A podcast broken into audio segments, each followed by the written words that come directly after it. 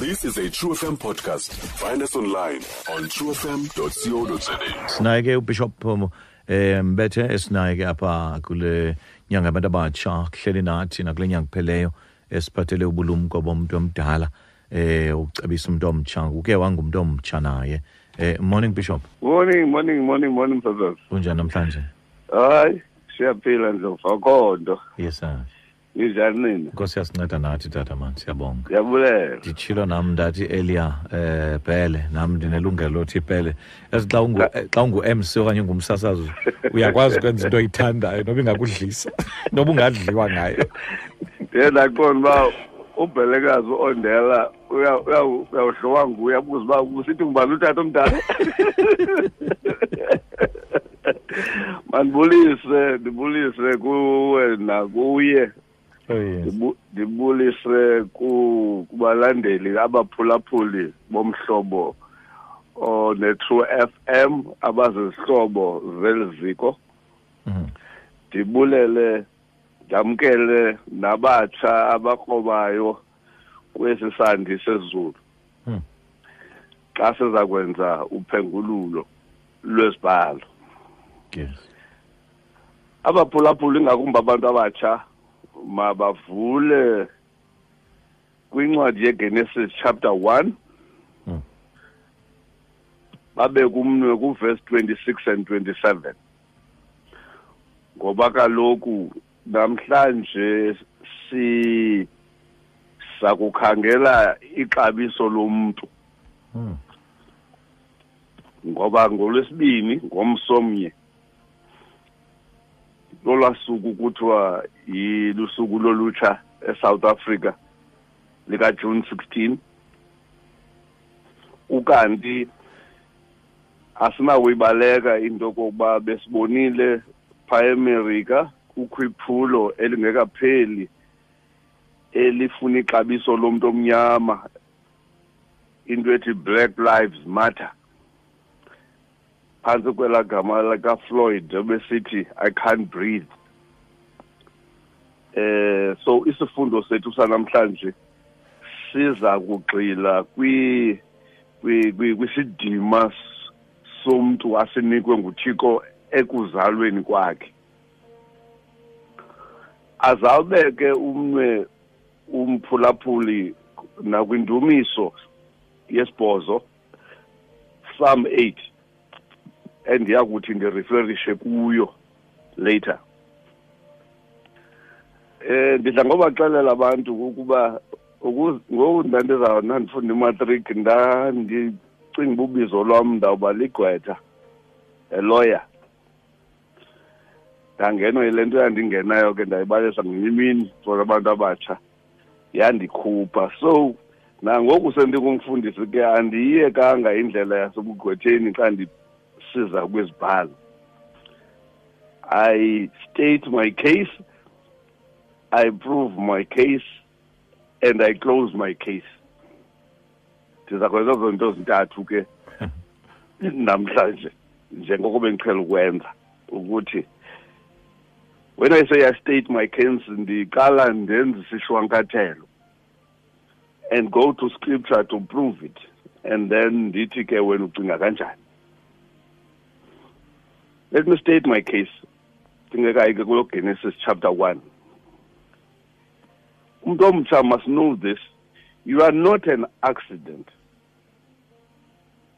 Your birth was no mistake or mishap on earth. Akakho umuntu ozalwa ngemistake. Nokokuba abazali bakho benza imistake kodwa ibhayibhile ithi uthixo ukwazi ungekazalwa uzumfunde noIsaiah 44 verse 2 I am your creator. You were in my care even before you were born. Hmm. Iyamnceda umuntu loo nto. Kule minyaka yam mininzi ngoku ndakhula ndisazi. Ndiye ndiqiniseka ngakumbi into yokokuba aka- akazange abekho uandile mbethe akekho nangoku akazuphinda abekho. I'm the only one. Okay wanyathela emhlabeni. You were not an accident. Your birth was no mistake or mishap. Esibini into ekufuneka uqiniseke ngayo ingakumbi ke in the context of other nations. God deliberately chose your race color of your skin color of your hair and your height etc kukho abantu abahlala ubomi obentshontsho ngesixhosa. Ubomi anga- angabi enjoyi abutye kuba emfutshane efuna ukuba mde. Kukho abantu abanesiqu abanganwabanga bafuna ukuba bangabi nasiko kukho abantu abafakela neenwele befuna uba lolunye uhlanga. God deliberately chose your race. Mna ka ndimbulela uthixo ndimbulela nale nto uba achoose for me to be born into the bele clan. Nalapha emabheleni achoose okoba ndibe ngumbethe. Nalapha kumbethe achoose into yoba ndibe nguluzele lwewillow vale. Nalapha ewillow vale achoose ndingekabikho into yoba utata abe nguarchibald umama ibe ngumamthembu. Ade achuze netishala yokuqala ezawundi- ezawuthi kum stand up what are you doing yonke loo nto yakhethwa nguthixo nale kokuba at my age uya kundipha unyana onguSimphiwe yaplanwa nguthixo loo nto Hmm. i have stated my case Amen. Umuntu omtsha makavuke. Every day you wa- every day you wake up look at at the at the mirror yesipilini ufike uthi i am not an accident. God knew me before i was born. Okwesibini uzamkele into yokuba awu awungo- awungowasemerika awungowaphiphipi ungowalapha kulagenesis ke as i prove my case chapter 1 kuverse 26 and 27 kukho i-verbs izenzi three verbs ezisetyenzisiweyo kulwimi lwesihebhere xa kuchazwa ukudalwa kumntu. Ekufuneka umntu ayibambe loo nto ayazi. Angashukumi kuyo. Kwakuthiwe ke kuthi ngosasifundiswa si isingesi singayanga nakoo-model schools kwathiwa ke a verb is a doing word. Isenzi njalo. Now eyokuqala kugenesis chapter 1 verse 27 kubhaliwe kwathiwa wamdala ke umntu uthixo ngokomfanekiselo wakhe wamdala ngokomfanekiselo nomf- nomfanekiso wakhe wadala indoda nenkazana. Iverb yokuqala ngudala etranslathwa ngesingesi kuthiwe create. Kutolikwa igama eli-original. Elithi ngesihebhere bara b a r a. To bara ngokwe-original language is to create out of nothing. Ngamanye amazwi wathi awugqiba ukudala izinto uthixo wathi masenze umntu kuthiwa ke ngoku verse 27 wamdala ke umntu. And umntu urayithi translation yesingesi. Ingakulahla yesilungu enye itranslation ethi and god created man ibe ngathi yindoda. Kanti kutolikwe igama elithi adam. Igama elithi adam alifani noSimphiwe ayilo gama lendoda ligama elineutral elithi umuntu laa ndawo ithi wamdala ke uthixo umuntu kuthiwe ngelanguage yakowabo bara elohim adam uthixo wamdala umuntu to create out of nothing. Eh ngamanye amazwi usisidalwa esadalwa nguthixo out of nothing. And wadala kokwinto elandelayo bakuthiwa wamdala umntu ngento kuthiwa ke ngoku yi-image of god. Nenye ekuthiwa yi-likeness. Inzima kuyitolika laa nto kodwa into eh, into into emandi nje endizawugqibela ngayo kanti iya kwindumiso eight yinto ongasubhale nje into kokuba laa nto ithi ndadalwa nge-likeness and image of god ithi ndibuthikwarha xhosa right eso um ndibuthikwarha ungaya esipilini ngoku uzijonge noba unjanini ufike uthi noba bayandithuka kodwa mna ndiyazazi into yoba ndibuthikwarha ngoba ndidalwe nge-image and likeness of god. Mandiyishiye ke le verb ngelithi ngokwalo chapter one. Akafani nala chapter two okhuphe ezimbanjeni sayithetha loo nto mhla saya kwii-couples kodwa apha mayibanjwe into yokokuba isicilelo kanti izawuvala le vesi wathi wadala indoda nenkazana okanye wadala male and male male and female. He created them utshupa akukho possibility yento yokoba kubekho umntu odalwe ngokumfanekiso womnye umntu. And yayingenajenda le nto wayidalayo. Siye kuvesi 26 kungoku kuthiwa kusetyenziswa enye verb. Masenze umuntu wenza utolikika iverb ethi enza isa. In other words umuntu omtsha makayibambe into yoba wadalwa nguthixo waze wakwenza isa wakwenza wayintombi okanye wangumfana. So igender issue yenziwa nguthixo ngobukhulu bakhe. Siyivale iverb ke ngoku yesithathu siyifumene kuchapter two verse seven. Wathi awugqiba ukudala wayenza i-genders.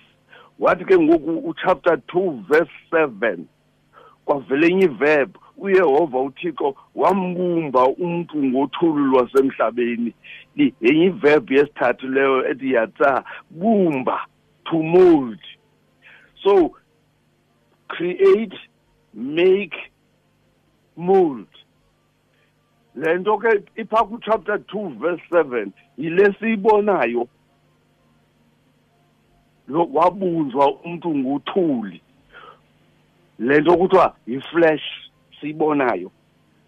Yiyo le nto abashumayeli barayithi xa besithi naxa befunda iincwadi zikapawulos usimphiwe okanye upastor g ayinguye lo umbonayo apha ngaphandle. Ubona into eyabunjwayo apha ngaphandle. Xa usithi mhle lo mntu kuzokuncoma iverb yesithathu yokubunjwa kwakhe. Kodwa xa uhleli nomuntu kuye kuvele ngoku obona buntu bakhe the inner person leyadalwayo xa usithi ubhishophu nobubele awuthethi ngento eyenziweyo nebunjiweyo uthetha ngento engaphakathi.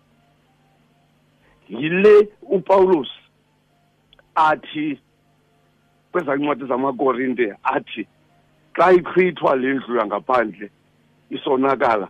Ongaphakathi umntu uyakhula ubuyela kule nto endifuna phantsi kwegama le-human rights azazi umntana omtsha omnyama into yokoba one wakwazi uthixo ungekazalwa wathi wakudala waze wakwenza wadetermine into yoba uzawuba yintombi okanye ube ngumfana.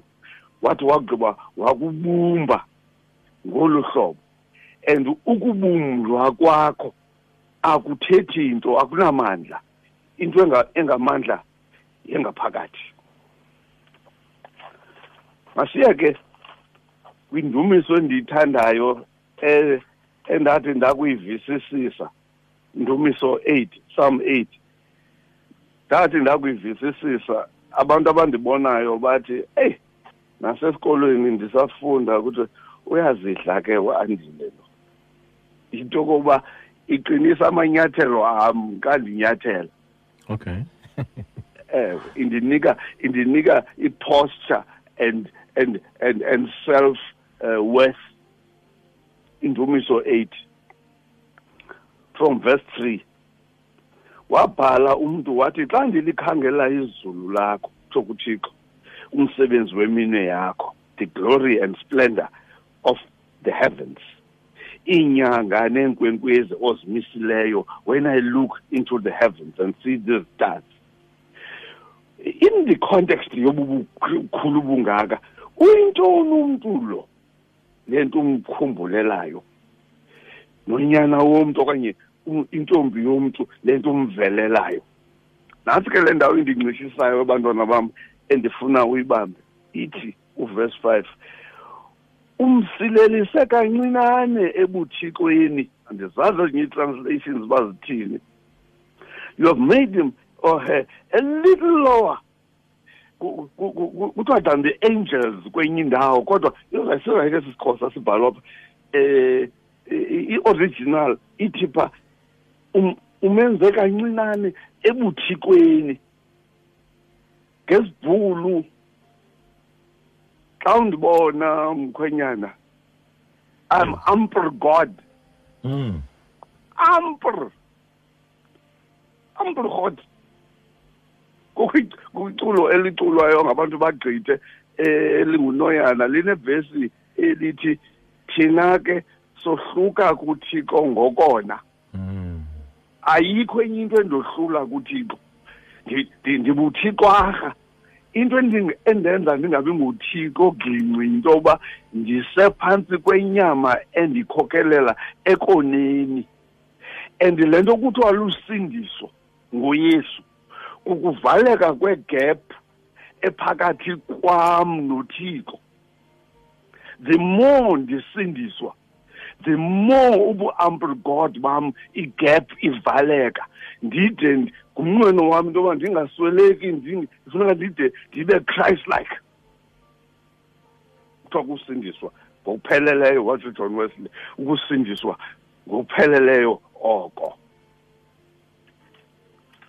Xa sijongana ke ngoku nale weekend isisa kwiholiday ye-sixteenth iholiday ye-sixteenth should not be a day apha abantu abatsha bazibulala ngolonwabo nangeziselo nezinto ezincedisayo. Kumele uba umntu omtsha ngejune sixteen azazi okokokuba igeneration yabantwana baka-nineteen seventy-six yenza into ebalulekileyo ethethwa ngomnye umfo wathi each generation has a responsibility to cover to discover its own mission on earth fulfill it or betray it each generation has a responsibility to discover its own mission on earth, fulfill it or betray it. Isizukulwana ngasinye lokuqonda ukuba yintoni le isizise emhlabeni sizokwenzani? Bayenze loo nto okanye ke ngokungayenzi bayinqatshe. And each person has a responsibility to discover his or her own mission on earth. Umuntu ngamnye on earth unoxanduva lokungajonga abanye abantu kodwa abuze kuthixo owamdalayo wamenza wambumba okokokuba ndiziselwe ntoni emhlabeni? What is my mission on earth? So ngale mini through lo mboko we-true FM i challenge every young person ukuthi uzuthi xa uvuka usithi make ngiyoyabula eh eVincent okanye ke nolo ndawo kuyo kulo dolophu kuyo uyoyabula casual walk. Uthi uthe utata omkhulu ubishop xa ndiyabula ze ndibuze uba le mizuzu ndiyichitha apha aimlessly ndayizalisa nini into uthixo owayendizilisele yona emhlabeni? Unoyolo umuntu omtsha oyifumana esemtsha into ayibize ayizelele yona emhlabeni ukuze akwazi ukuyenza akazi ukhona ukuze azabongwe nguthixo. As i close as i said i state my case i prove my case i now close my case ngokuthi noba uphi noba uzawubhala ematric noma uzawubhala ugrade seven noba uzawubheka emsebenzini noba uzawuthini na noba uya kwi-interview ngomso kumele uba uthi i'm going there as an equal. You are not better than anybody else. You are not less than anybody else. Yandinceda loo nto mkhwenyana sendifumene inyweba enqabileyo yokuba ngo-nineteen eighty-five ngoseptemba hmm. ndafumana ischolarship se-two years ndayofunda esingapore. Kungazange kuyimntu ayofunda khona usuka emzantsi. Hmm. I was the first one ndafunda khona phakathi kwamachina amakorea amafilipino abantu basemalaysia you can name them. Nabelungu abebepha ndagcinwa yile nto ethi noxa ndisuka kugatyane willowvale ndingasuki koonew york noojapan noo-australia. I'm going there as an equal. Mm. i'm not better than them.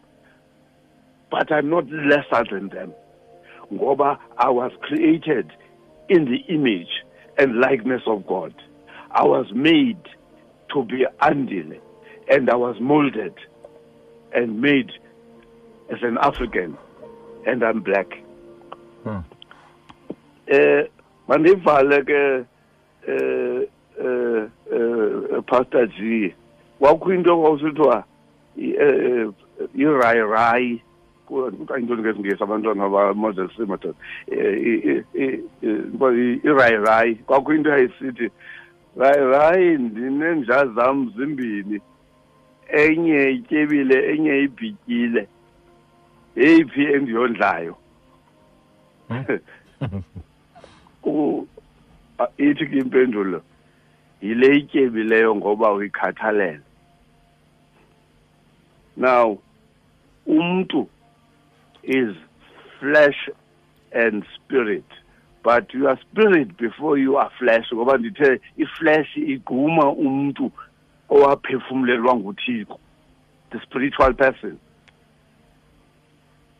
Yeyiphi kwezi zinja zakho zimbini the spirit and the flesh etyebileyo Hmm.